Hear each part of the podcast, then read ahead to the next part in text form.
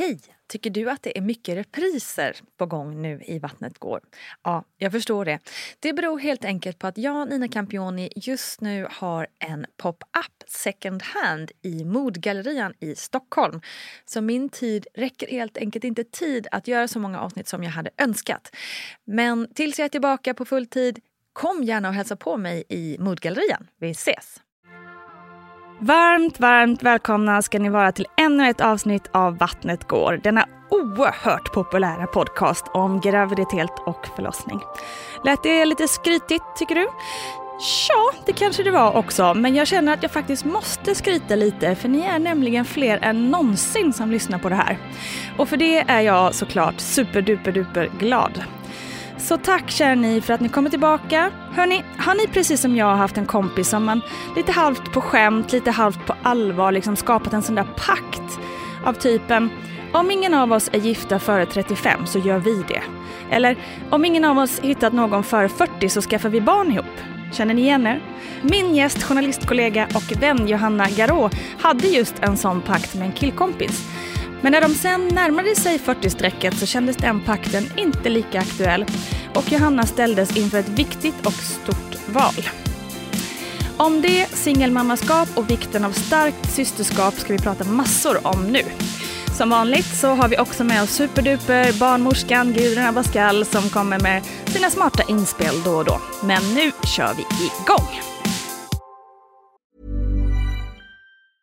Have catch yourself eating the same flavorless dinner three days in a row? Dreaming of something better? Well, hello fresh is your guilt free dream come true baby. It's me, Gigi Palmer.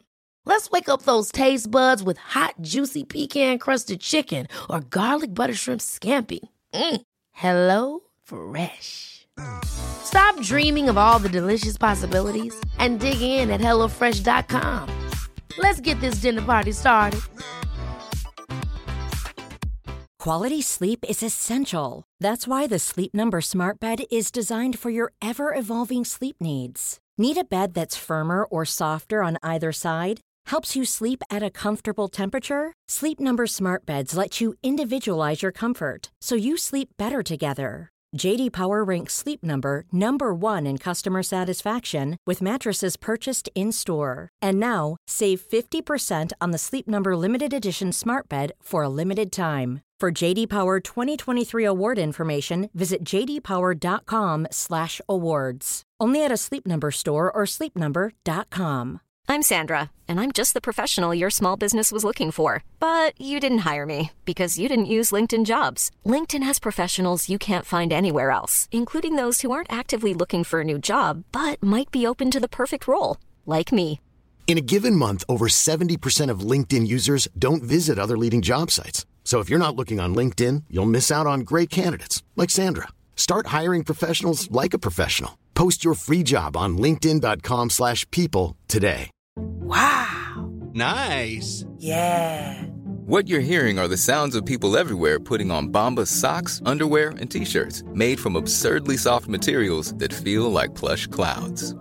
Yeah, that plush. And the best part? For every item you purchase, Bombas donates another to someone facing homelessness. Bombas. Big comfort for everyone. Go to bombas.com slash ACAST and use code ACAST for 20% off your first purchase. That's bombas.com slash ACAST. Code ACAST. Ja, Johanna, du sitter här med Sam, eh, tre månader i ditt knä, eller din famn. Mhm. Eh, Det här var ganska planerat va? Ja, eh, det kan man väl säga i och med att, i och med att eh, det var IVF. Så då eh, genomgår man ju liksom behandling och Mm. grejer. Så att när jag väl tog beslutet så var det ju väldigt planerat. Mm. Eh, Men sen har jag ju aldrig blivit gravid tidigare i mitt liv, så jag visste ju inte om jag kunde. Så eh, jag köpte ett trepack med, med behandlingar. eh, Och tänkte att det här kommer ju ta tid.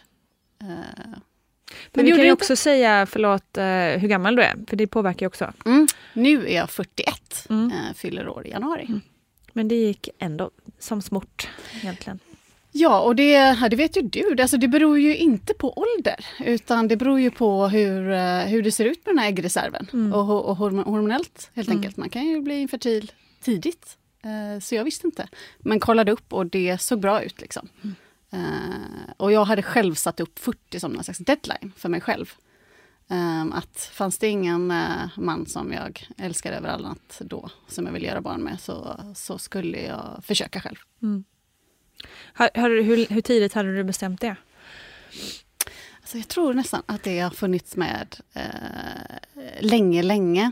Uh, när jag ser tillbaka nu när jag liksom ska analysera situationen så var det nog ett reportage uh, som jag läste eh, den briljanta Malin Roos Expressen hade varit och besökt eh, någon sån spermiefabrik, i, mm. eller vad heter de? Spermie... Det låter som en jätteindustri. Ja, men det är det. Nej, men det är det i Danmark. Ja. Det finns ju några jättestora. Um, och då hade hon liksom intervjuat män som gick dit och donerade. Mm. Och jag visste liksom inte hur det funkade innan.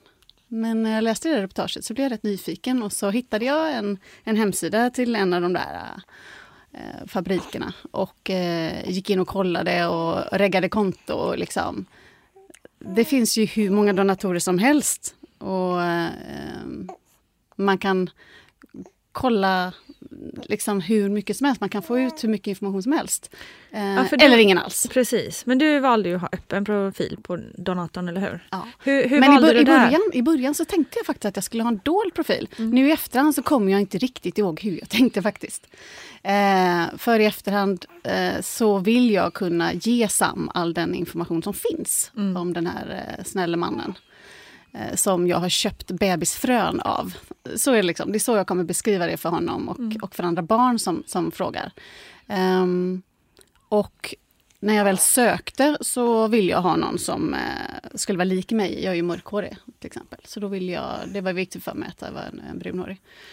Och sen blev det liksom att jag ville kunna se eh, hans föräldrar och hans farföräldrar, hur länge de har levt och längd och vikt och vad de har jobbat med. Och, det var en lång intervju eh, med den här killen. Ehm, emotionell eh, intelligens eh, fick jag fram där också. Jag har bild på honom när han var liten. Ehm, och han har skrivit ett brev på fyra sidor. Som visar mig att eh, han verkar vara en väldigt vettig människa helt enkelt. Mm. Um, sen är det ju så, han kan ju vara, han kan ju vara en fullständig idiot. Det, det finns liksom ingen mm. garanti för det. Men intrycket jag har fått ifrån honom är uh, att det är någon som jag skulle kunna tänka mig att få barn med. Liksom. Kollade du på flera profiler innan du föll för just den här? Mm, absolut, ja. herregud. Kolla igenom Många. jättemycket. Och man vet, de har ju bara ett nummer eller ett, uh, ett alias. Liksom. Ja. Så man vet ju inte vem det är. Och man får ju inte kontakta dem. Just eh, Sam får kontakta när, när han är 18. Mm. Eh, så får han ta reda på eh, Eh, vem det är man vill. Och den här donatorn var också väldigt, eh, i sitt brev skrev han att eh, eh, If you're curious, don't hesitate to contact me. Liksom. Han var väldigt så öppen. Och skrev att anledningen att han ville donera var att um, han hade varit på någon utställning om, om danska familjer, en fotoutställning. Och då hade det varit en kvinna som hade kommit fram till honom eh, och hade haft ett barn i famnen och sagt kan du ta en bild på oss framför den här bilden? Det är vi som är på bilden. Mm. Och så började de prata om att hon hade tagit hjälp av en donator. Eh, och nästa dag hade han då anmält sig och gått och donerat för han ville, han ville hjälpa då kvinnor som mig. Mm. Och han skriver i sitt brev, han, So I give you life. så himla fint. Jätte, jättefint. Men också tänker jag så himla modigt det här med att bara feel, feel free att kontakta mig när du vill. Alltså det är väldigt... Eh... Hade man inte gjort det själv då? Ja, jag hoppas det på ja. något vis. Men en, en, alltså en, det är modigt ändå tycker jag. Mm. Ja. Så finns det såklart Testament. begränsningar för hur många han får göra gravida. Alltså ja, man vill inte att det ska komma hundra 118-åringar. Plötsligt står de där. Ja. Och han är också väldigt tydlig med att jag eh, skriver i brevet då att jag är inte din förälder. Just det. Men han ger, eh, han ger lite information om så här fungerar jag. Till exempel att om du har svårt att lära dig någonting, eh, draw it, alltså skriv, rita det. Mm. Eh, för att han, så tar han in information. Eh, han skriver att eh, eh han har svårt att bli förälskad. Mm. Han skriver att hans, hans kropp utvecklades ganska sent. Mm. så liksom, jag tänker en så här smal liten tonårspojke som, som liksom inte har, har kommit in i målbrottet. Så att det finns, en det finns förklaringar. Och, ja. Ja, så jag ville ha all information eh, som jag kunde tänka mig. Mm. Men sen självklart, det är upp till var och en. Det är, eh, många som väljer dolda profiler också. Eller, att, eller att de bara bryr sig om eh, hårfärg eller ögonfärg eller någonting. Eh, och sen i Sverige är det då inte tillåtet med dolda profiler ska jag tillägga. Utan eh, det här var ju i Danmark då. Hur kändes det då när du hade valt profil och det liksom började bli verklighet så att säga? Ehm, alltså, när var det jag valde ungefär? Ehm, det var under hösten där, ehm, vad blir det då, F- 2015. Men sen fyllde jag 40 då i januari 2016. Och då bestämde jag mig att jag skulle liksom komma i mitt livsform innan dess. Så jag anlitade en PT och, och att jag liksom fokuserade jag på det. Och sen när jag då hade kommit i jättebra form och eh, fyllt 40, då började jag. Och då kontaktade jag... Först ska jag säga att jag gick med i Femmis. Det måste vi ju Ja, nämna. ber- berätta om Femmis kan vi ta här då. Eh, Femmis är en eh, organisation eh, för eh, frivilligt eh, ensamstående mammor som vill bli mammor eller vill bli föräldrar genom insemination eller IVF. Eh, så där gick jag med. Också liksom för att lära mig. Det är så många- det är så många frågor. Ska man ta insemination? Ska man ta, göra IVF? Eh, vilken klinik ska man ta? Liksom, vad kostar det? Och sådär. Så där kan man först vara en voyeur och liksom bara titta och läsa liksom, innan man egentligen eh, pratar så mycket själv. Men sen eh, eh, så bestämde jag mig för klinik eh, och bestämde mig för insemination. Och bokade då ett Skype-samtal med eh, Vita Nova som heter, den här kliniken. Och under samtalet så kom jag liksom ehm, den här sköterskan som jag pratade med. Hon eh, frågade mig direkt så här, har du tänkt på syskon? Och då tänkte jag, ja, nej, nej, nej, herregud, det ska jag inte ha. För då hade jag rekommenderat IVF direkt. Sa hon. Ehm. Vad säger du? Vill du inte ha några syskon? Han vill eller? berätta. Vill du inte ha några syskon? Ehm, så då, ehm, när vi hade haft det där samtalet så körde vi eh, faktiskt, eh, då sa jag det att jag skulle faktiskt vilja ha ett uh, Skype-samtal till, men om IVF. För jag kanske vill ha, jag vet ju inte det idag. Nej, precis. Men om jag gör insemination och det lyckas så då är det inte så stor chans att man kan göra ett syskon för då kommer jag vara för gammal sen. Mm. Men om man gör IVF då kan man ju plocka ut ägg nu som man då kan använda lite senare. Just då finns det en möjlighet till syskon. Och jag hade eh, ekonomisk möjlighet eh, att göra IVF för det kostar ju pengar liksom. Mm. Ehm, så då valde vi det. Och sen, det är ju lite roligt att jag tänkte i mars där att nej men herregud, jag vill inte ha ett decemberbarn, jag vill ha ett januaribarn så att han blir äldst i klassen, inte yngst. så att jag Man ska väntade. alltid planera och kontrollera livet så mycket man kan. Så att jag, eh, nej inte mars, jag väntar till april liksom. Ehm, och sen kan jag tillägga att han kom ju i december såklart, för han kom ju alldeles för tidigt. Så det är så skönt att man inte Ja. kan kontrollera livet. Det är nyttig, en nyttig läxa. Ja. Men ehm, nu har vi pratat mycket om liksom så här, att ta beslutet, rent så här, och vad, vilken klinik och hit och dit och sådär. De mer liksom, eh, så här, omständigheter, liksom tekniska omständigheter. Men hur var det liksom känslomässigt också att bestämma att nej, men jag gör det här själv? Alltså, och då vill jag vara tydlig att jag inte representerar alla i Feminist, inte alla ensamstående. Eh, för det är ju många, för många är det en jättestor grej det här. Medan för mig var det liksom att självklart ska jag försöka få barn. Eh, jag är yngst i min familj så att jag har aldrig haft några småsyskon. Och aldrig haft någon liksom längtan efter barn. Så. Utan jag har levt livet, rest mycket och sådär. Eh, och nu var det liksom den biologiska klockan. faktiskt. Jag hade kunnat vänta tio år. Det, var, det gick liksom inte att vänta längre. Nej. Så för mig blev det bara, ja, nu ska jag göra det här. Eh, och så testar vi om det går. Och så, eh, sen är jag nog lite som människa också, att jag inte liksom funderar så himla mycket. Ehm, Grubblar inte sönder dig? Liksom. nej, Nej. eh, jag gör inte det. Och eh, jag eh, kommer också från en familj där jag är uppvuxen med en upp, ensamstående mamma. Ja, för det tänker jag måste påverka Absolut. jättemycket. Jag såg, Din ju att det gick. liksom. jag såg ju att det gick. Hon var ensamstående med tre barn. Ja. Och sen hade hon ju eh, pojkvänner och liksom hon har haft en särbo sedan jag var sju år. Men det gick att lösa det själv. Det var inte så problematiskt för mig. Jag har ju aldrig levt i en kärnfamilj. Nej. Så att eh, just att ha en man vid min sida är liksom inget tvång för att vara lycklig. Lite så. Precis. Ehm, så för mig blev det som att säga, "Ah, nu ska jag göra det här. Och så började jag med det och sen så nästa steg det och sen så, jaha, nu ska jag ta sprutor här, nu ska jag ta spruta igen och så, och så bara det blev. Mm. Eh, snarare. Så jag hade kunnat vänta som sagt i tio år. Eh, det är för orättvist, den där Ja, biologiska gud, klockan. Men det känner jag också. Alltså, kanske inte med mitt första barn, då var jag nog väldigt sugen. Men nu med det andra känner jag snarare så att jag hade nog egentligen gärna väntat lite till. Men nej, man har ingen val Nej. om man vill ha fler Och barn. mina eh, absolut närmaste, de har ju liksom stora barn. Eller stora, stora, de har ju liksom mellan nio och, nio och tre. Ja.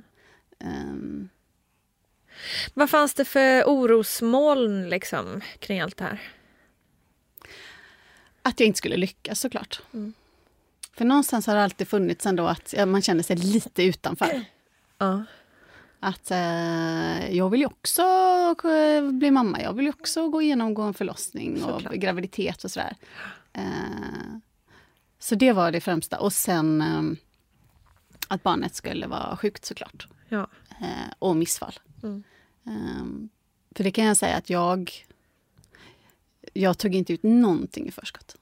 Så till och med när jag liksom kissade på stickan och det blev, det blev liksom, eh, bevis då på att jag var gravid, då, då kunde jag inte glädjas så mycket. Liksom, utan var så här, jag är gravid just nu, men det vet man inte hur det är imorgon. Nej. Och så hade jag, vet, jag har så många kompisar som har fått eh, missfall. Ja. Så att, eh, det var väl liksom först nästan vid kubben, tror jag, som jag eh, slappnade av lite. Och då började jag liksom läsa och kolla dokumentärer och sånt. Men eh, det liksom ända, ända på slutet så var det så att man vet inte om det blir någon bebis eller inte. Jag försökte verkligen liksom så här, eh, hålla det borta. Mm.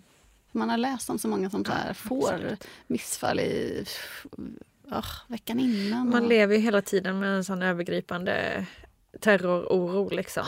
Eh, Så är det ju bara. Men kubben var ju härlig i och med att jag är ju äldre och då är det ju större risk. Ja. Men när hon sa att det var så här, det är en chans på 16 000 eller vad det var hon sa. Jag bara, siffror. jublade. Ja, skönt. Liksom. Så då, då andades jag ut lite i alla fall. Eh, Och då kunde jag också säga till mamma.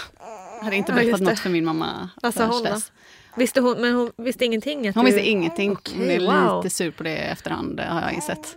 Hon kanske ville stötta genom vägen. Ja, Ja. för jag har varit väldigt öppen med mina, mina vänner Ja. och eh, informerade även mina två bröder om att jag skulle inleda den här processen. Eh, Men jag tänkte min mamma hon skulle ringa då varje dag och jag orkade inte med det där liksom att eh, nej det är jag inte. Nej du vet. Nej, jag ville förstår. inte, jag tänkte att jag berättade för henne när, om det väl blir någonting. Faktiskt. Har hon sagt någonting utifrån det här då att hon, hennes erfarenheter kring att vara ensamma mamman. Jag vet inte om man gillar, gillar man det epitetet, ensamma mamman? Det låter lite trist liksom. Nej, och jag tycker det ordet ensam det är fel på. Ja, det är det jag menar. Mm, för det, ensam är negativt. Ja, det är ju det. Det Eh, har ju en utan- negativ klang. Ja. Mamma med, eh, vad ska jag säga? Ensamstående mamma för fan. Ja, Alltså, singelmamma. singelmamma. Mm. Har hon haft några liksom råd eller liksom har hon varit extra orolig kring det? tror Nej, du? hon är Nej. bara lite förbannad på att både jag och min bror väntar så sent. För Som är hon- alla med morföräldrar med andra ord. Ja, nej men hon har ju hunnit bli liksom mycket. Hon har blivit gammal så att hon är, hon kommer ju inte, eh, hon orkar inte springa med dem sen. Nej, Eh, så det, det, det tycker jag, det är klart att det känns eh, tråkigt. Men eh, nej, annars så är hon en så himla stark kvinna liksom. Eh, så det har, hon har bara varit positiv. Liksom. Ja. Härligt. Men jag måste också fråga, genom alla de här ehm, om man tänker utifrån kärnfamiljen, eller om jag tänker utifrån min egen situation då, så var ju liksom Simone var ju med mig på alla du vet, besök på barnmorskemottagningen, alla ultraljud och du vet, hålla handen, allt det där, dela alla de här grejerna med någon och så. Var det något som du reflekterade över, liksom att du gjorde då på ett singelmammasätt? Nej, för jag var aldrig ensam. Du var aldrig ensam, Nej. du hade ändå med. Jag, har, eh, jag hade min eh, lilla hejaklack. Som en gemensam WhatsApp-tråd. Som fick, de får fortfarande så här information nästan dagligen. Eh, så att jag hade med mig, jag hade bestämt mig tidigt att mina två närmsta kompisar här uppe i Stockholm, jag är från Göteborg egentligen, men de skulle vara med mig på förlossningen. Och sen blev det så att eh, en av dem skulle befinna sig i Thailand under tre veckor. Eh, då. Så att, eh, det blev ganska givet att det var denna, eh, Anna då som skulle vara med mig och att Lotta skulle åka bort. Men sen när han kom tidigt så kunde ju båda två vara med. Så att en av dem var alltid med mig på, på ultraljudet och hos barnmorskan och sådär. Eh, så jag var, aldrig, jag var aldrig ensam. Fantastiskt. Ja, det, och sen är det väl så... Nu har jag ju varit singel ett tag, va? så att jag är rätt... Eh, jag är van vid att Ja. klara mig själv. Eh, så det var liksom inget konstigt. Och det är samma som nu. Eh, det är inte så konstigt. Nej. För att jag är så van vid att, att klara mig själv. Så be om hjälp när jag behöver det. Ja, för det, men det måste väl ändå vara lite nyckeln tänker jag. För många, och det vet jag själv också, jag var också singel i många, många år och hade också tankarna på att "Ah, ja, men händer det, träffar jag inte någon så får jag väl göra det här själv då. Eh, nu hade jag ju turen att träffa Simone, men då tänkte jag ofta på det där liksom att våga be om hjälp. Vi är liksom inte så vana vid det i vårt eh, samhälle Nej. direkt. Men du är ändå bra på det. Ja, och sen har jag ju också förstått vilka mina vänner är Ja. under den här processen. Ja. Vilka man kan räkna med. Ja. Och det är så många som har, eh, liksom, har glatt sig så för min skull och liksom hejat på mig och sådär. Så att jag har inte haft någon enda negativ eh, erfarenhet överhuvudtaget. Eh, ska jag säga. Det är ju fantastiskt. Ja. Och inga liksom direkta fördomar du ställts mot eller sådär? Nej, och sen är det så, jag har ju sållat ganska bra bland Facebook-kompisar och bekanta. Liksom. Att jag... Eh, eh, de, de jag har nära, de är, de är vänner liksom, Ja. som unnar mig detta. Vad skulle du säga är viktigast att eh, tänka på om man beslutar sig för att eh, skaffa barn på så att säga egen hand?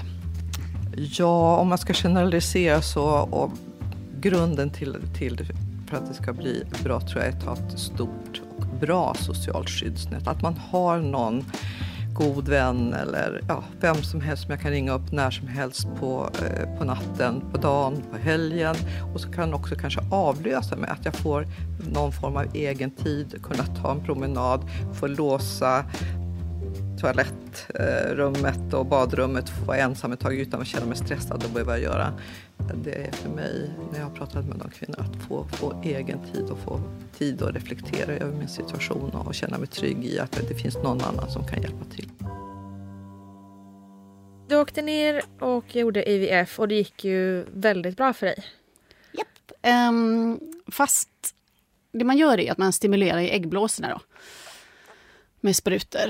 Eh, och sen så tar man en ägglossningsspruta så att, liksom att alla ska släppa på samma gång. Och så, ska man, så suger man ut dem. Och det såg jättebra ut. Det såg ut som att jag liksom skulle ha så här, tio ägg och jag var så här, det här, det här kommer bli grymt. Och sen när jag väl kommer fram och det tyck, jag tyckte det gjorde jätteont att ta ut äggen, men det är inte alla som, som tycker. Eh, och hon fick bara ut tre. Så då vet jag att jag kände mig så, jag var så himla besviken på hur värdelös jag var och bara fick liksom tre stycken ut. Ehm, och det var då på en måndag. Och sen så får de där tre små äggen då hänga med spermierna i en liten burk över eh, natten. Och sen så får man då ett meddelande om hur många det är som har blivit till embryon. Då. Och då sa de att ja, vi har ett bra embryo här att stoppa tillbaka så att du är välkommen eh, på onsdag. Så det var två dagar senare. Eh, och då visste jag att den kan ju dö. Så jag kan ju sitta där på tåget och åka dit och så kan det vara så att vi inte har någonting att stoppa tillbaka. Men när jag väl kom dit så sa hon att vi har faktiskt två stycken. Jaha, Så att vi har ett prima här som vi ska sätta tillbaka. Och ehm, så gjorde de det och sen började man ju ta lite ehm, andra hormoner och sånt, gul, gulkroppshormoner och sådär. Så att ehm, det ska fästa och sådär. Det ska jag säga också att jag kände inte av, jag vet inte om jag är särskilt hormonell, men jag kände inte av sprutorna. Det är många som mår dåligt. Ja, har Eh, Eller många förstått. ska jag inte säga, men det finns ju folk som mår dåligt Ja. av att ta sprutor. Och sådär. Jag kände faktiskt inte av alls.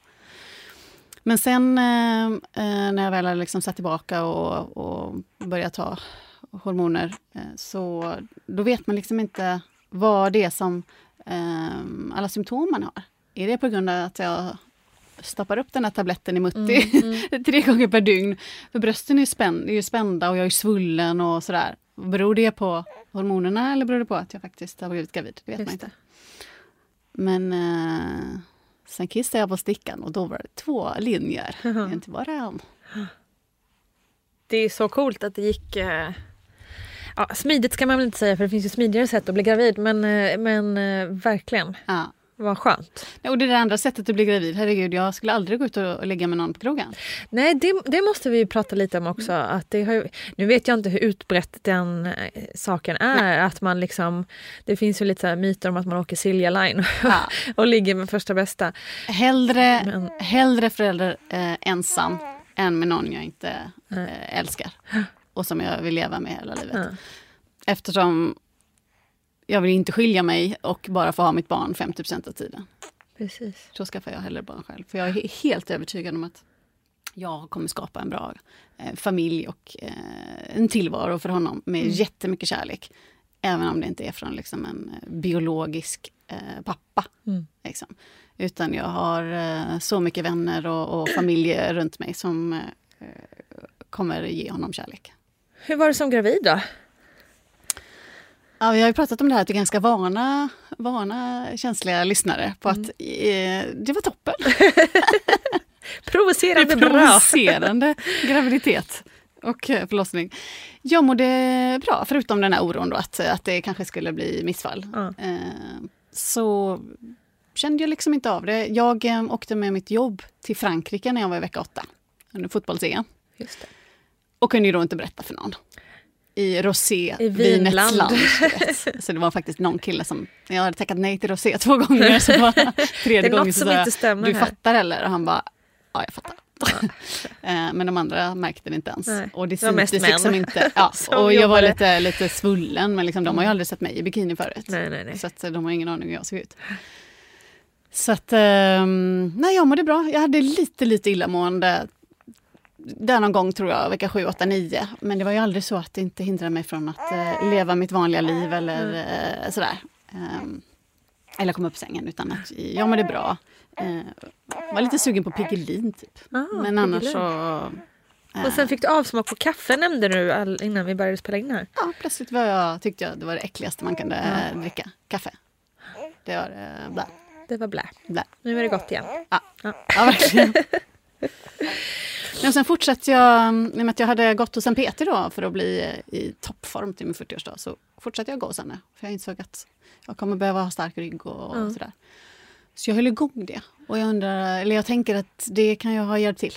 Att jag mådde så bra. Säkert. Eh, Att vi körde styrka då. Eh, Så jag, hela tiden, och det körde jag ända in till bara två veckor före, förlo- till- före förlossningen. Faktiskt. Eh, Och sen började jag även på gravidyoga. Tyckte jag var jättebra. Eh, Och gjorde yoga hemma också. Gravidyoga via liksom, Framför YouTube, internet. typ. Ja. Ja, precis. Det är en bra Ehm, tips. ja, men sen herregud, det, det, var ju, det kunde jag göra för att jag inte mådde dåligt. Jo precis, Nej, men absolut. Alla får ju utgå från sin, från sin Ja, situation såklart. Men just det där är så himla bra att det finns så mycket alternativ att träna hemma. tycker jag. ja verkligen. Verkligen. Och eh, Och hur jag var som gravid, jag läste massor. Jag är liksom lite control freak där. Så att, eh, och sen måste jag säga att det är din, din podd. yay! Yay, den har ju liksom hängt långt innan jag påbörjade det här. Så har jag lyssnat. Eh, och jag gillar verkligen det här att man får reda på att en förlossning kan gå precis hur som helst. Framförallt, eller till och med om mamman får två barn så blir det olika varje gång. Precis. Så att, eh, jag läste på massor och eh, kunde massor. Eh, anmälde mig till profylaxkurs. Ehm, och eh, ja, läste och kollade på dokumentärer. Jag vet att du och jag pratade om det, om det här. Eh, en eh, belgisk dokumentärfilmare som åkte runt i nio olika länder i världen. Så fick man vara med på förlossningar. Eh, otroligt fascinerande. Liksom. Så jag, var, jag kände mig pepp eh, inför eh, min egen då. Och just det här att det kan gå precis hur som helst. För det kom ju lite tidigare än väntat med andra ord. Ja, Ja. det gjorde ju det. Berätta. Då hade jag varit hos eh, eh, barnmorskan måndag den 5 december. Och, Ehm. och ditt due date var? 10 januari. Just det. Och eh, det är ju så, om man är äldre, man är kvinna och man ska ha en pojke. Det här kan få du kolla med Gudrun. Att då är det större chans att man går över tiden. Så alla min barnmorska bara, nej, du kommer inte gå för, kommer inte komma tidigt. För jag var lite orolig för julen där, för då skulle jag åka till Göteborg 21 till 26 december. Så då var jag tvungen att ha en backup-plan. Liksom. Ja, för dina svägerska. kompisar skulle ju vara, är ju i Stockholm då. Ja, så Ja. Att, eh, jag fick kolla med min svägerska om hon kunde hänga med mig om det skulle ske i Mm. Göteborg då. Och jag ville inte det. Om det var någonting så vill jag liksom, det kan få gå hur som helst men jag vill vara i Stockholm då. Jag vill eh, kunna vara hemma först och sen åka till ett Ja. sjukhus här och liksom, ja. Eh, och det var på måndagen då, så träffade jag min barnmorska på förmiddagen och sen på kvällen så kände jag bara att nej men det här, nu känns det inte, nu känns det konstigt. För han, spa, han sparkade väldigt mycket i magen. Den, eh, min mage rörde på sig. Eh, det såg man liksom utifrån under hela tiden. Men här var det liksom som att eh, ja, sammandragare antagligen då. Eh, och jag blev orolig och jag kände att nu lägger jag mig i sängen och ligger still här så ska vi, ska vi stoppa det här som håller på att ske. Och fortfarande mina kompisar bara, nej det är ingenting, det är ingen fara. Sådär. Men de lyssnade ändå på mig. För sen på torsdagen så kom då Anna och Lotta hem till mig. Och så pratade vi igenom allting. Okej? För jag kände att jag kände mig inte förberedd. Jag är inte färdig. Han kan inte komma nu. Så då pratade vi igenom liksom, vad förväntar du dig av, av oss? Hur vill du att vi ska bete oss? Um, vi pratade igenom rädslor och hur ska vi kommunicera med barnmorskan etc. etc, liksom. Och det var, de tänkte ju fortfarande att han absolut inte skulle komma utan de Nej. ville bara att ja, nu hämtar vi skö- skötbordet, nu hämtar vi liksom sängen och nu gör vi allt och så hade de med sig lite paket så det blev en sån här mini baby shower liksom. Söta. Ja. Och det är en lite rolig grej var att eh, några kompisar har haft en här eh, vattenavgång där det liksom har splashat liksom, och man har hört om bassäng i liksom, sängen. Och då fick jag en hänga på det. Så jag var så här, vad händer om jag så här vaknar och ser en bassäng i min säng och sen måste jag åka till sjukhuset. Alltså det kommer vara skitäckligt i sängen när jag kommer tillbaka med intorkat moder eller eh, vatten, foster, fostervatten i sängen. Så det blev en sån här hang-up. Så de hade köpt då till den här lilla mini baby shower. De hade köpt en sån här kisslakan, eh, du vet. Tänkt på allt. ja, Så fint. sånt pyttelitet. Men det hade jag ändå liksom lagt in i sängen. Mm. Och sen de följande dagarna, sen så, fredagen och lördagen, så började jag laga mat. Av någon anledning så började jag laga piroger som jag fryste in, pannkakor som jag fryste in. Jag städade och skurade golv och grejer liksom. Antagligen bonade då. Ja, ja visst. Och sen mycket riktigt så gick ju då vattnet natten mellan lördagen och söndagen. Och då var det klockan tre på natten Precis som, som jag... du hade förutsett nästan. Eller liksom, Fast i mitt huvud så tänkte jag ju också att men det här, nu lugnar jag ner det här. Om Mm. jag bara tar liksom, det, det ska ju inte, han ska ju inte komma nu. Och så vaknade jag klockan tre av att nu kissade jag på mig. Liksom. Vad är värdigheten i det här? Liksom? nu har jag fått må bra här i åtta månader. Nu kommer sista månaden då jag ska hålla på och kissa på mig och sånt. Väldigt jobbigt. Så jag gick upp på toa. Och så tänkte jag ändå att om det här nu är så att det faktiskt har satt igång, då har jag hört på Ninas podd bland annat, att man ska sova, så ska man vila, det kommer ta lång tid. Så då gick jag och la mig igen. Och hinner ju liksom knappt liksom blunda innan jag kissar ner mig igen. Och det är ju inte kiss såklart, utan det är ju fostervatten då. Sätter mig på toa och det bara rinner och rinner och rinner. Och jag tänker, vad gör jag nu? Jag kan ju liksom inte gå ut och hämta telefonen i vardagsrummet för att då kommer det rinner. helt blött överallt. Men fick i alla fall liksom ta en handduk och så ringde in. Och då sa de att vi vill att du kommer in, men att det var så, så tidigt då. Eh, 35,4 tror jag det var. Nej, 35 plus 4 säger man väl. Just det. 36 veckan. Och sen när jag väl kom in så sa de att eh, du får bli kvar här. Och sen var jag kvar i åtta dagar på Danderyd, BB Stockholm. Allt som allt får vi säga. Allt som allt. Ja, Mm. precis. Ja, vad hände sen då? När du var där? Då kom, ringde du dina kompisar ganska direkt eller? Det är ju för roligt att de har ju sjukt dåligt samvete för det. för plötsligt har de börjat hålla på telefonen, alltså inte ljudlöst utan ha Mm. på telefonen. Men Anna lyckades ändå liksom sova igenom samtalet. Men grejen var ju att om det var någonting jag hade oroat mig för så var det hur gör jag hemma? Hur ska jag, ska jag liksom ta, hur ska jag klocka verkarna? Hur ska jag liksom, ska jag någon komma hit först eller ska vi ses på sjukhuset? Och det behövde jag aldrig bry mig om då, Ja, för jag hade ju inte ont. Jag hade några liksom lite liksom små, små verkar, men jag kunde liksom ta en taxi. Jag hade inte hunnit packa min väska, Nej. utan jag rofsade ihop lite saker. Och så satte jag mig i en taxi och åkte in. Och så blev jag ju kvar. Eh, och då hade jag ju skickat meddelande till dem båda två. Om att jag åker in nu. Eh, och sen blev jag ju som sagt, jag fick ligga med eh, de kollade hans hjärtljud och sådär eh, ett tag och så skulle kolla om det verkligen var så att det var fostervatten. Eh, och det var det. Och jag var öppen en, en centimeter. Så vanligtvis blir man ju hemskickad då. Mm. Eh, om, man har, om vattnet har gått. Men i och med att han var prematur så är de så rädda för infektioner. Så då, då blev han kvar. Eh, Och då fick jag något slags, då var det fullt tror jag. Så att jag fick något sånt temporärt litet rum. Och då minns jag att då hade jag, då hade jag kraftiga verkar. Eh, och rätt täta. Och ringde efter ett tag på att jag ville ha liksom smärtstillande och sådär. Eh, och när jag ligger i det här lilla temporära rummet så kommer ju Anna och Lotta dit då. Och är liksom helt så här, klockan är sju på morgonen, en söndag. Och de liksom har, har eh, skyndat sig dit. Eh, men sen får vi vårt rum och då lugnar det såklart ner sig. Ser det med verkarbetet, att det, när man väl kommer fram till sjukhuset så lugnar det sig ofta. Att man liksom slappnar av tror jag. Eh, nej, och sen hade vi vårt underbara rum där med sån här hörnsoffa. Eh, och hängde hela söndagen. Eh, och bara liksom, som jag sa till dig förut, det var lite som kollo. För då hade jag ju inte ont Nej. längre. Men de skickade inte hem mig. Så då började vi kolla på lite eh, The Affair, hade vi ju sparat. Så vi skulle börja kolla på tredje säsongen på The Affair. Och det gjorde vi. Och, eh, de hämtade mat till mig. Och, när jag väl hade ont så hämtade de såna här värmekuddar. Mm.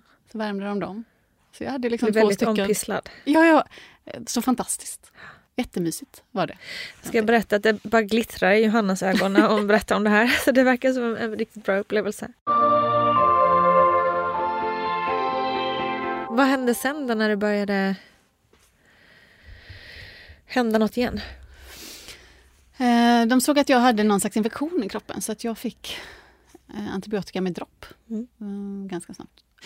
Jag fick i alla fall eh, dropp som de, de kom in och fixade med med jämna mellanrum, vilket var otroligt jobbigt tyckte jag när det liksom på natten och sådär, när jag ville sova. Eh, att, de, eh, att de skulle in och ändra det där droppet. Eh, men jag mådde mestadels bra. Eh, jag fick smärtstillande för att sova. Jag fick även Bricanyl eh, någon av de där nätterna som ju då är avstannande. Och sen var det en stor grej var att jag fick ont i ryggen. Jag fick ont i övre delen på vänstra flanken på ryggen. Eh, jag har en... Jag tror att det kanske hände när jag, när jag var övermodig och gjorde lite yoga. Så fick jag liksom lite ont och det kändes som att det var en nerv som var i kläm. Så att när då eh, verkarna kom så kunde jag liksom hantera det med, jag hade två värmekuddar där framme, där nere. Och sen hade jag TENS på ryggen. Aha, okay. Eh, men det gjorde fortfarande så himla ont i ryggen. Så det var liksom inte verkarna som gjorde det on, on, som gjorde ondast, utan det var den här verkan i ryggen. Och då blev jag orolig. Eh, inte minst för att man så här, ibland hörde man ju så här skrik, i och med att vi var där så många dagar. Mm. Så hörde man ju såna vrålskrik från kvinnor som hade väldigt ont. Och jag tänkte, hur ska jag kunna hantera det här? Jag kan hantera alltså verkarna, den smärtan.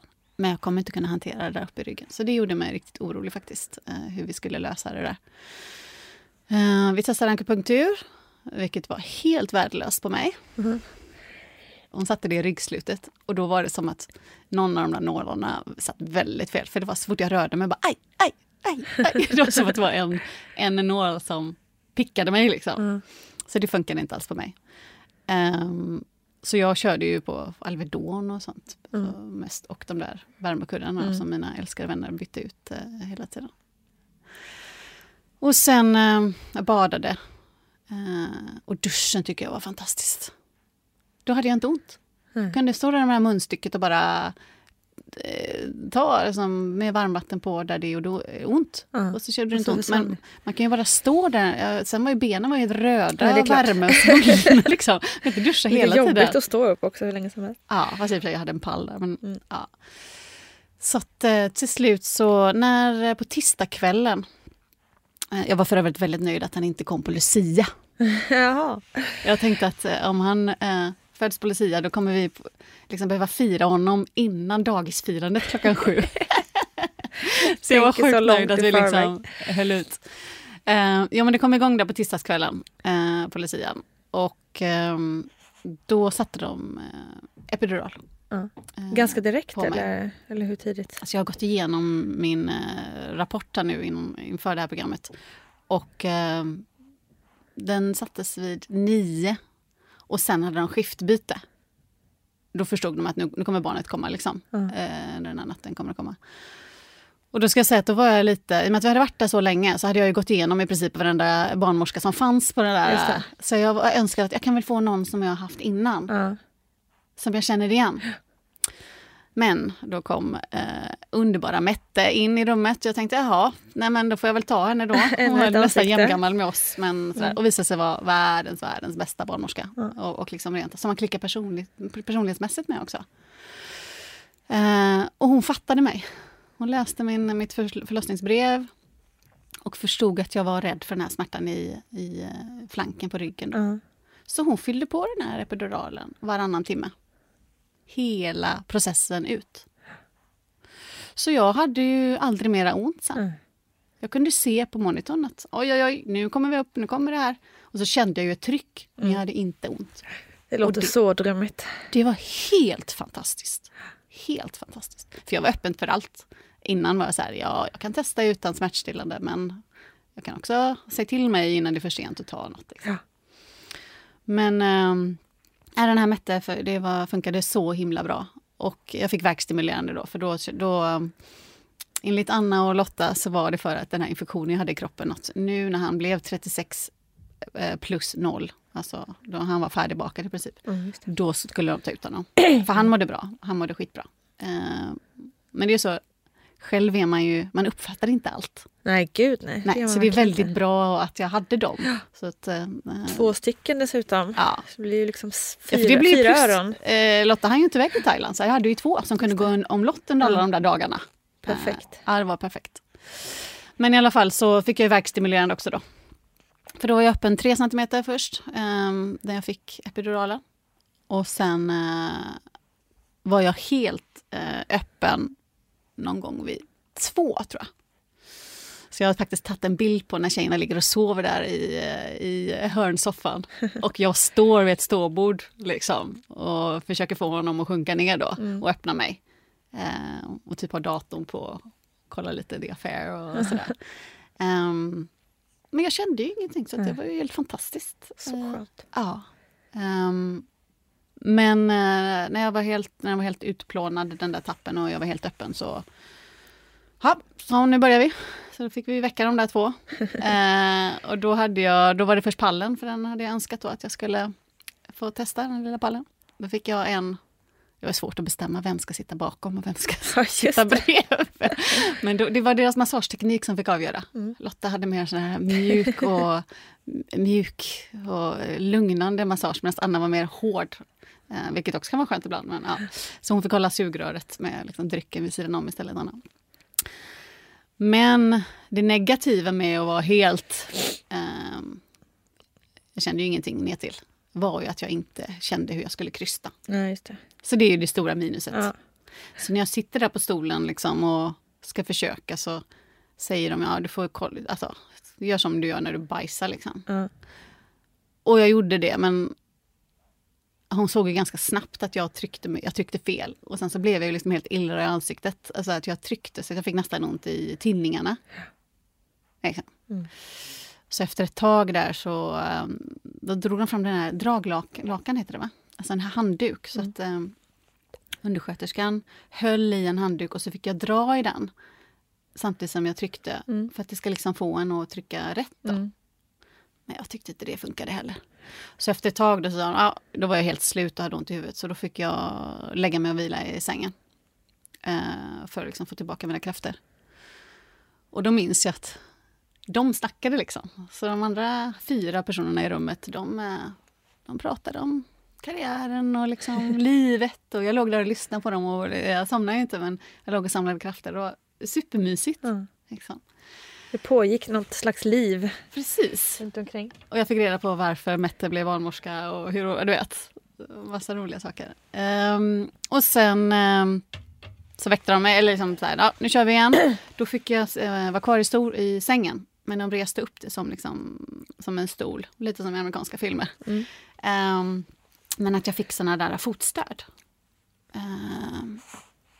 Och liksom skulle trycka ifrån på dem då. Och det funkar inte så jäkla bra det heller eh, riktigt. Och det där lakanet skulle också hålla på att dra i liksom.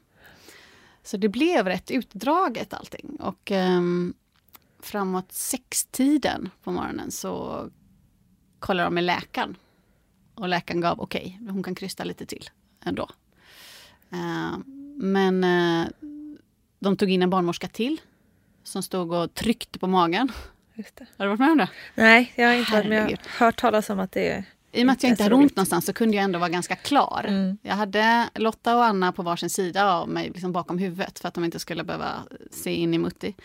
Och sen hade jag då Ulrika barnmorskan som stod och hängde på mig. Och liksom så fort jag fick en, eh, en, en, en krystvärk så tryckte hon ju med all sin kraft på min mage. Och jag tänkte det här är helt surrealistiskt, det här måste jag komma ihåg. Att det är liksom, här står det en, två, tre, fem kvinnor runt omkring mig och liksom är, hjälper mig att föda. Mm. Men eh, vi körde två krystar med eh, Ulrika som tryckte på min mage. Och progress, men ändå till slut beslutade de att nej men nu måste bebisen komma ut, nu har vi mm. hållit på för länge. Mm. Och då hörde jag ordet sugklocka liksom, i rummet. Jag trodde att ha, nu blir det kejsarsnitt då, nu ska de ha ut ungen. Mm. Men jag hör ordet sugklocka och då har jag en kompis i Norge som har blivit totalt förstörd där nere på grund av sugklocka. Så då, den där handduken var borta, stöden var borta. Så helt plötsligt så tog jag bara mig själv så här under benen, armkrok under mina två ben och tryckte. Och Mette bara, ja precis så, precis så! Du ser honom, du ser honom! Vill du känna på huvudet? Och Jag bara, eh, nej det vill jag inte göra. Och hon bara, okej, okay, kör en gång till för då kommer han. Och så gjorde jag det. Att jag liksom gjorde det bara själv. Ja. Så det får mig att fundera på, jag kanske borde ha gjort sådär mer från början. Det var som att då blev det att jag hittade rätt. Ja. Exakt. Men det är sen, svårt att veta innan. Det är svårt du har aldrig fått barn innan. Jag hade liksom. ju kanske tryckt ut, jag hade kanske gjort mycket arbetet trots att det inte Säkert. kändes som att jag gjorde Jag kände mig lite värdelös. den där lilla motivationen med sygklockan som, ja. som satte fart på dig. Liksom. Ja. Och då det roliga att hon hann ju lägga en sån blockad, prudensblockad, vad heter det? bäckenbottens bedövning ja, då. Mm. För att sugklockan skulle in där mm. och, och ja, den skulle vira runt med den där. Um, men den hann ju knappt verka innan jag liksom tryckte ut honom själv då. Uh, och sen kom han eh, ut och, och upp på bröstet och jag kan se i um, förlossningsrapporten att han hade navelsträngar runt halsen. Men det märkte jag inte ens att de tog bort. Nej. Och han kom upp och skrek eh, ganska snart. Men hade så gurgliga, gurgliga ljud. Eh, men det har de ju. De har typ fostervatten i lungorna. Och det här vet jag eftersom Lotta fann sig så bra att hon filmade. Mm. För det hade jag bett om. Om någon bara känner att det går, så filma gärna mm. eh, uppifrån då. Um, och jag är så glad, för jag har liksom en minut där när han kommer ut och kommer upp på mitt bröst och ligger där och, och är liksom helt ja. Och han ligger vid mitt bröst och börjar suga direkt. Liksom. Så fint. Jag har sett det. Ja, Jättevackert. Jag är så nöjd med att, uh, att det finns där. Ja, och det, det kan vi uppmuntra folk. För det eh, kände jag själv, bara, nej men gud inte filma och sånt. Det känns ju så obehagligt. Ja, för man vill inte men, ha med massa gegg. Ja men precis, nej. jag tror att man är lite rädd och kanske framförallt som förstagångsförälder. Men om man, alltså det, jag tror inte man ångrar det i efterhand om man filmar lite. Men sen vill man ju inte se där nere. Eller vissa kanske vill det. Ja, precis, men jag vill inte det. Uh, men ja, du har ju sett det är så lugnt i rummet eftersom jag inte har ont. Ja, är jag skriker ju inte. Ja. Ja. Uh, det är bara mycket, mycket kvinnor i rummet. Ja. Det är också och han kommer upp och han är helt brun när han kommer upp också. Jag bara, vad brun han är! Men det är för att den, liksom, blodcirkulationen har inte kommit igång riktigt. Och väldigt täckt i sånt där fosterfett då, i och med att det var så pass tidigt. Mm. Um, men uh, där var han. Och det var ju otroligt häftigt. Och konstigt. Jättekonstigt, tyckte jag. Mm. Den informationen jag har fått är ju att epiduralen hjälper liksom, i verkskedet och öppnings Eh, Eh, skedet så att säga.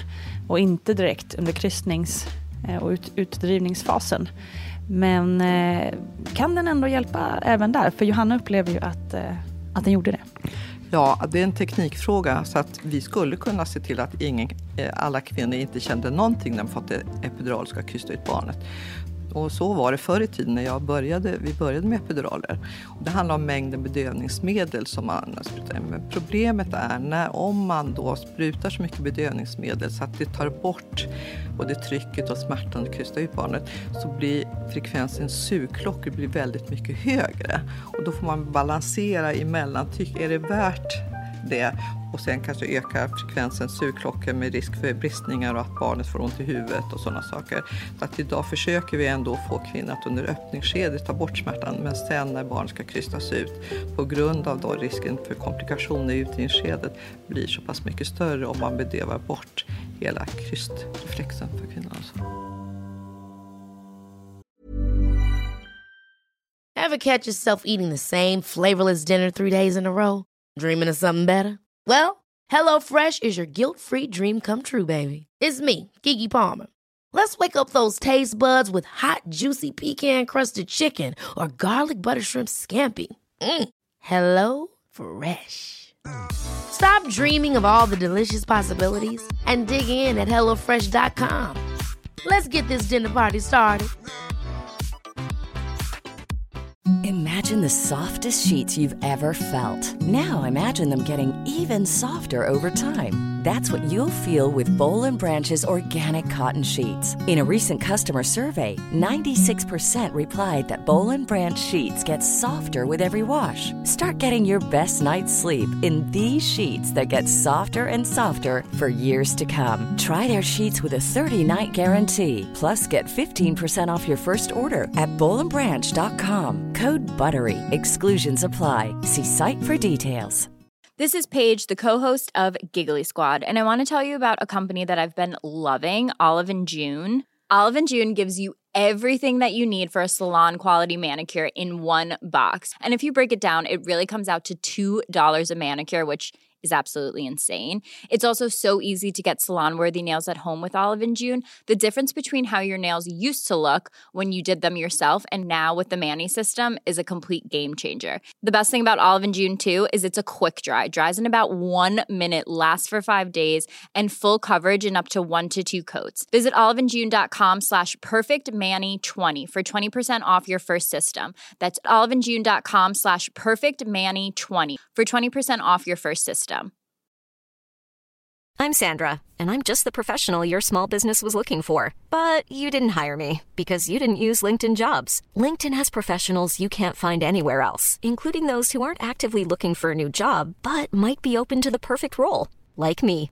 In a given month, over 70% of LinkedIn users don't visit other leading job sites. So if you're not looking on LinkedIn, you'll miss out on great candidates like Sandra. Start hiring professionals like a professional. Post your free job on linkedin.com/people slash people today. Hey Dave. Yeah, Randy. Since we founded Bombus, we've always said our socks, underwear and t-shirts are super soft. Any new ideas? Maybe sublimely soft or disgustingly cozy. Wait, what? I got it. Bombus absurdly comfortable essentials for yourself and for those facing homelessness. Because one purchased equals one donated. Wow, did we just write an ad? Yes. Bombas. Big comfort for everyone. Go to bombas.com slash ACAST and use code ACAST for 20% off your first purchase. Men vad hände i och med att eh, Sam var prematur eh, efter? Gjorde man något särskilt med honom? Han fick koppmatas eh, lite extra då med ersättning. Um, för när de suger där i början då får de inte i sig någonting. De får i sig pyttelite så här råmjölk kanske. Men de kom in med en sån här liksom, vet, en liten kopp som man har till mediciner. Mm. Eh, och första gången fick, var det en sköterska som gav honom när, liksom, så, vi har en film på det också, när han ligger där och dricker ur en liten kopp liksom, som är nästan lika stor som hela hans ansikte. Um, och det skulle jag ju då ge extra var tredje timme.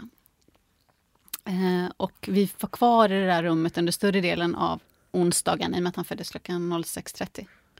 Och tjejerna var ju också helt slut. Och de har ju familjer och Ja. jobb. eh, Så Ja. att eh, de var ju helt slut hela den veckan. Och Såklart. det var ju väldigt emotionellt för dem också, Ja, såklart. gud, att vara med på det här. otroligt. Så att, men den dagen var så himla soft och vi fick den här goa fikan. Och så, då hade de ju såklart bokdukat till tre. Tänk dig Ja. den där brickan för tre med mackor och pommac eller vad det är. Liksom. Ehm, men vi sov och vi uh, myste den där dagen och matade var tredje timme och bytte blöjor. Och sådär. Ehm, men, eh, och han fick gulsot, det Ja. är ju tråkigt. Men det är väldigt, väldigt vanligt. Ja. Ehm, bland alla barn, men framförallt bland eh, för tidigt födda. Ja. Men det var ändå så då i och med att han, alltså han var för tidigt men han var ändå fullt liksom färdig. Precis, var det var därför de väntade ju till konstigheter 36 egentligen. plus Just det. 0 då. För då... ehm, Så du behövde aldrig känna någon oro liksom för att han var, kom för så tidigt? Nej, och han Skönt. mådde ju bra, han var ju pigg liksom. Ja. Men uh, gulsoten som sagt, den, eh, den mäter de ju och den, eh, den gick liksom inte bort. Mm. Eh, och det tyckte jag var jobbigt för att jag blev väldigt eh, emotionell, det blir väl alla, med Mm. babybluesen där. Absolut. Den, jag är ju inte särskilt eh, eh, känslosam annars, eller sådär. Eh, men det slog mig som en klubba.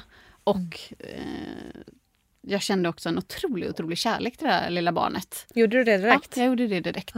Eh, om det nu var babybluesen som satte in också, men jag grät ju konstant eh, där. Mm. Eh, för att jag var trött, men också för att så här, åh vad fin han är. Så Ja. grät jag lite där och sen så grät jag för att, tänk om han får cancer någon gång. Du vet, så, så här, jag grät Ja. åt precis allt. Och sen var det så sjukt jobbigt med den här koppmatningen. Eh, för att du kan tänka dig hur mycket det som rinner ut vid sidan om. Och när jag väl lyckades pumpa ut lite sån här trögflytande råmjölk och skulle liksom mata honom och det rann ut så jag liksom Ja. började gråta. Så liksom, kämpat för precis. Ja. guldet som rann ner för ens haka. Och, Ja. och då var jag själv. De fick inte vara kvar. Aha. Så det var första gången som jag liksom kände det här att eh, ja, det är så här det ska vara. Ja, det. Men de var så otroligt fina, barnmorskorna. De var så här, ring på oss om du behöver hjälp med någonting. För att jag behövde ju hjälp med att värma den här lilla koppen med, med Mm. ersättning. Och då, då, det fixade de nästan varenda gång till mig. Och någon natt när jag liksom bröt ihop, då, då sa vi tar med Sam ut nu, så får du sova några timmar i sträck. Mm. Liksom. Eh, men han åt bra och allt sådär, men eh, gulsoten ville inte ge med sig, så han fick eh, solbehandling. Jag tror att jag skickade en sån bild till Ja, dig. det såg obehagligt ut alltså. Och där, ehm, där tyckte jag faktiskt inte att de förberedde mig riktigt bra på vad det var som skulle ske. Mm. För helt plötsligt så, så hade han ögonbindel. Och han, de här liksom la honom på någon sån matta som kanske var en gånger en halv meter. Solmatta liksom. Och eh, höll på att knyta fast honom vid den. Och jag var så här, vad är det som händer? Ja. Och sen när man sätter på den så blir det ju sånt blått ljus då. Så eh, ögonbindeln var ju för att Som skydda ett hans ögon. solarium typ. Liksom. Precis. Ja.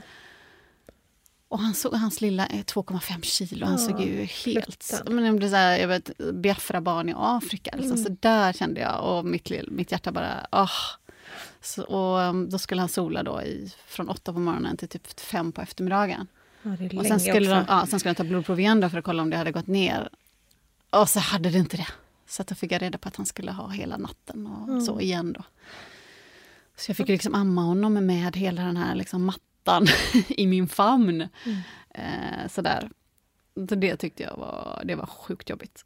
Eh, faktiskt. Och det var därför sen som vi blev kvar då.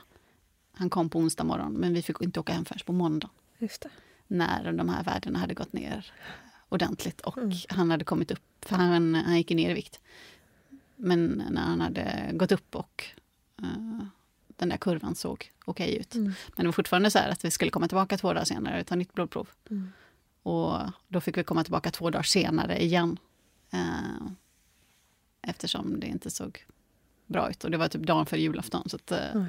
eh, halv, eh, halvjobbig start. Ja. Jag tycker faktiskt fortfarande att han är lite smågul. men de säger att det är ingen fara. Ja. Det, det är så det är. Men då, då, då vet jag att jag kände mig, för andra gången kände jag det här, vad har jag gjort liksom att jag är ensam. Ja, Första det- gången det var på profylaxkursen, Ja, ska jag säga, ja. lägga till. Okej. Mm. Jag trodde att jag skulle vara så tuff, att jag skulle sitta där med nio par och Mm. sitta där själv. Liksom. Det var första gången som jag gick hem och grät lite faktiskt. Ja. Att det var, där satt de och smekte varandras magar och sådär.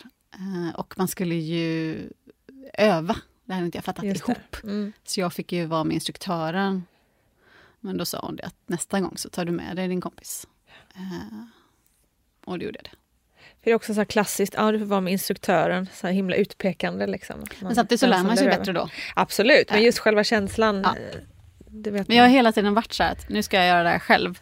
Eh, det har varit en sån självklarhet. Då får jag ta allt sånt där. Ja. Jag visste det när jag anmälde mig. Att det skulle vara... Men det är ju också en annan sak sen där efteråt när man är så skör och alla hormoner och så Ja. händer det någonting med, med sitt barn. Det är klart att det vore konstigt om man inte blir påverkad. Och just det här att kan vi inte få komma hem också. Ja. Jag trivdes jätte, jättebra där. Men så här, kan inte han bara eh, bli av med den där jäkla kulsoten? Ja. Så att jag får komma hem och börja livet liksom. Ja.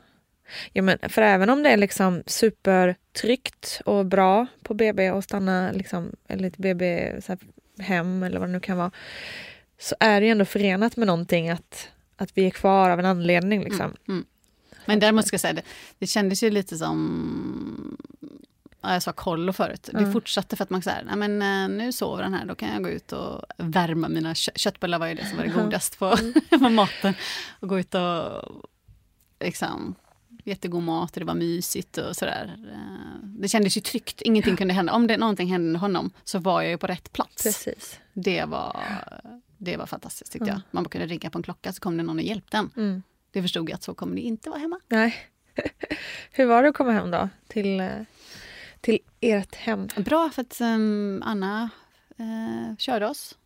Eh, och sen kom de ju. Och minst en gång om dagen kom de och liksom hjälpte mig med det jag behövde och sådär. Och då hade jag ju dessutom de där frysta pirogerna i frysen. Och sen har jag haft sån otrolig tur med att jag haft en väldigt snäll bebis. Eh, jag har kunnat lägga från mig honom från dag ett. Och han har varit trygg i att ligga i sitt babynest och, sova helt själv. Så jag har kunnat duscha. Jag har, eh, han har inte varit krävande Mm. överhuvudtaget. Uh, vilket har ju varit underlättat enormt mycket. Mm. Så att, men det var inte det att jag gick ut med vagnen där eh, efter jul. Alltså, det var ju svinkallt och, och, och snöstorm och grejer. Men eh, jag fick lite besök, min mamma kom upp och sådär. Eh, så att det gick liksom bra. Mm. Men än idag, det har gått tre månader, jag kan fortfarande glömma av honom ibland. Sen han ligger och sover där inne och är tyst och så står jag och diskar och så bara, just det. Skönt. Så att jag liksom, man växer ju in i det. Ja, så, så är det. Men äh, än så länge så har han varit så pass snäll och tyst att det ibland kan jag glömma bort honom. Mm. Men det låter ju ändå i sig, det kan nog vara rätt skönt för Alla säger så här, vänta mamma- du, ja, vänta precis, du. Bara, det kommer en "Han dag när du absolut inte kommer kunna. bara, min bebis sover hela tiden. Han sover 19 timmar. Ja, vänta du, vänta du. Så att, Ingenting är beständigt, det Nej. får man lära sig. Nej. Men ja, tre månader in som sagt, finns det något som du har känt under den här tiden eh, har varit liksom tyngre på grund av att du är singelmamma? Eller du har ju ingenting att jämföra med först, Nej. fa- självklart, men som du kan föreställa dig. Liksom. Nej, men jag ser ju på vissa andra som är min situation, som har fått barn. Ja. Där barnet kanske skriker hela tiden Ja. eller inte vill bli, eh, som hela tiden vill vara i famnen. Då blir man ju, då får man ju ingen ro. Nej. Men de har ju också haft kompisar som har hjälpt dem. Så att de har kunnat få duscha och kunnat få sova. Mm. Så det handlar så mycket om det här nätverket som man har eh, runt omkring sig. Mm. Så själv har jag inte upplevt någonting jobbigt överhuvudtaget. Eh, vi har till och med varit ute på restaurang och sådär. Ehm, jag har då haft, Anna och Lotta har varit hemma hos mig så har jag kunnat gå ut själv. Och liksom passat honom och sådär. Ja. Men det har att göra med att han är så pass lätt att ha att göra med. Mm. Men än så länge har jag inte ångrat en sekund, ska jag säga. Um, den är med om man börjar fundera på hur, om jag vill resa någonstans, hur kommer det gå Mm. och sådär.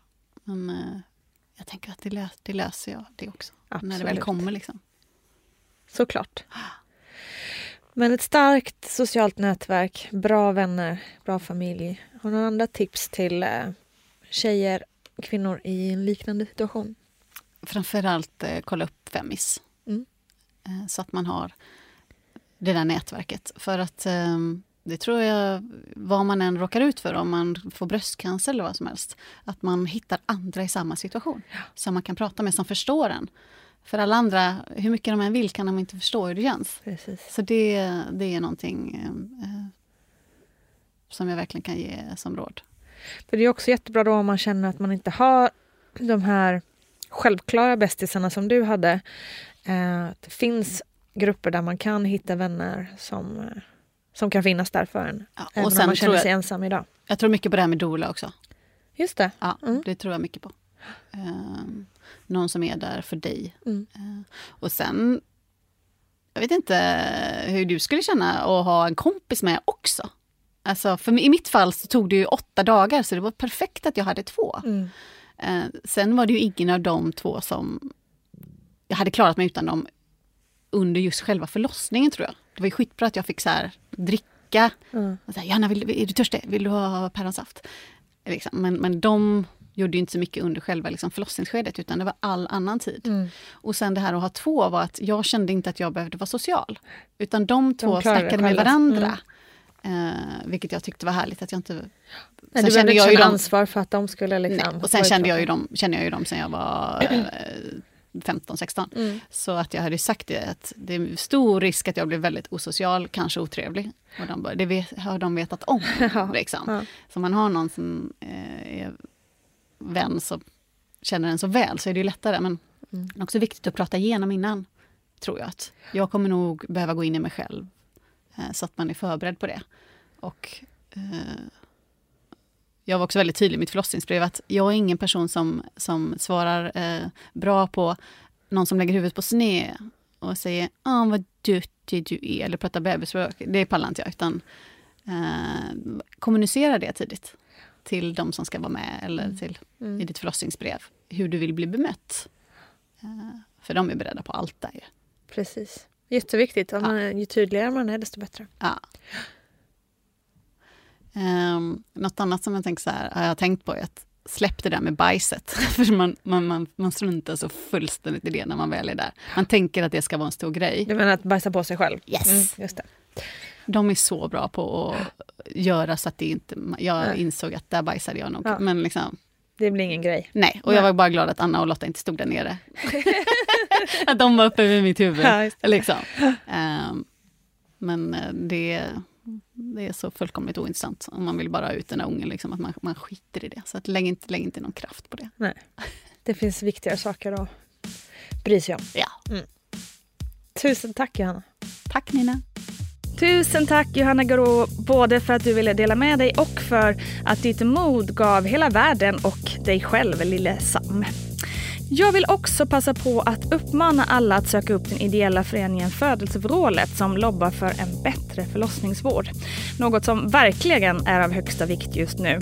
Ni har säkert inte undgått att missa att flera BB slår igen och kvinnor tvingas föda i sina bilar på väg till närmsta BB som kan ligga flera mil bort. Och så här kan vi ju såklart inte ha det. Så läs mer på födelsevrålet.org och se hur just du kan göra skillnad. Kram till er allihopa så hörs vi snart igen. Producerat av Perfect Day Media. Ever catch yourself eating the same flavorless dinner three days in a row? Dreaming of something better? Well, HelloFresh is your guilt-free dream come true, baby. It's me, Gigi Palmer. Let's wake up those taste buds with hot, juicy pecan-crusted chicken or garlic butter shrimp scampi. Mm. Hello Fresh. Stop dreaming of all the delicious possibilities and dig in at HelloFresh.com. Let's get this dinner party started. Hi, I'm Daniel, founder of Pretty Litter. Cats and cat owners deserve better than any old fashioned litter. That's why I teamed up with scientists and veterinarians to create Pretty Litter. Its innovative crystal formula has superior odor control and weighs up to 80% less than clay litter. Pretty Litter even monitors health by changing colors to help detect early signs of potential illness. It's the world's smartest kitty litter.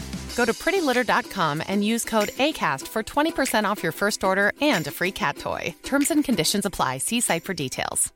Even when we're on a budget, we still deserve nice things. Quince is a place to scoop up stunning high-end goods for 50 to 80% less than similar brands. They have buttery soft cashmere sweaters starting at $50, luxurious Italian leather bags, and so much more.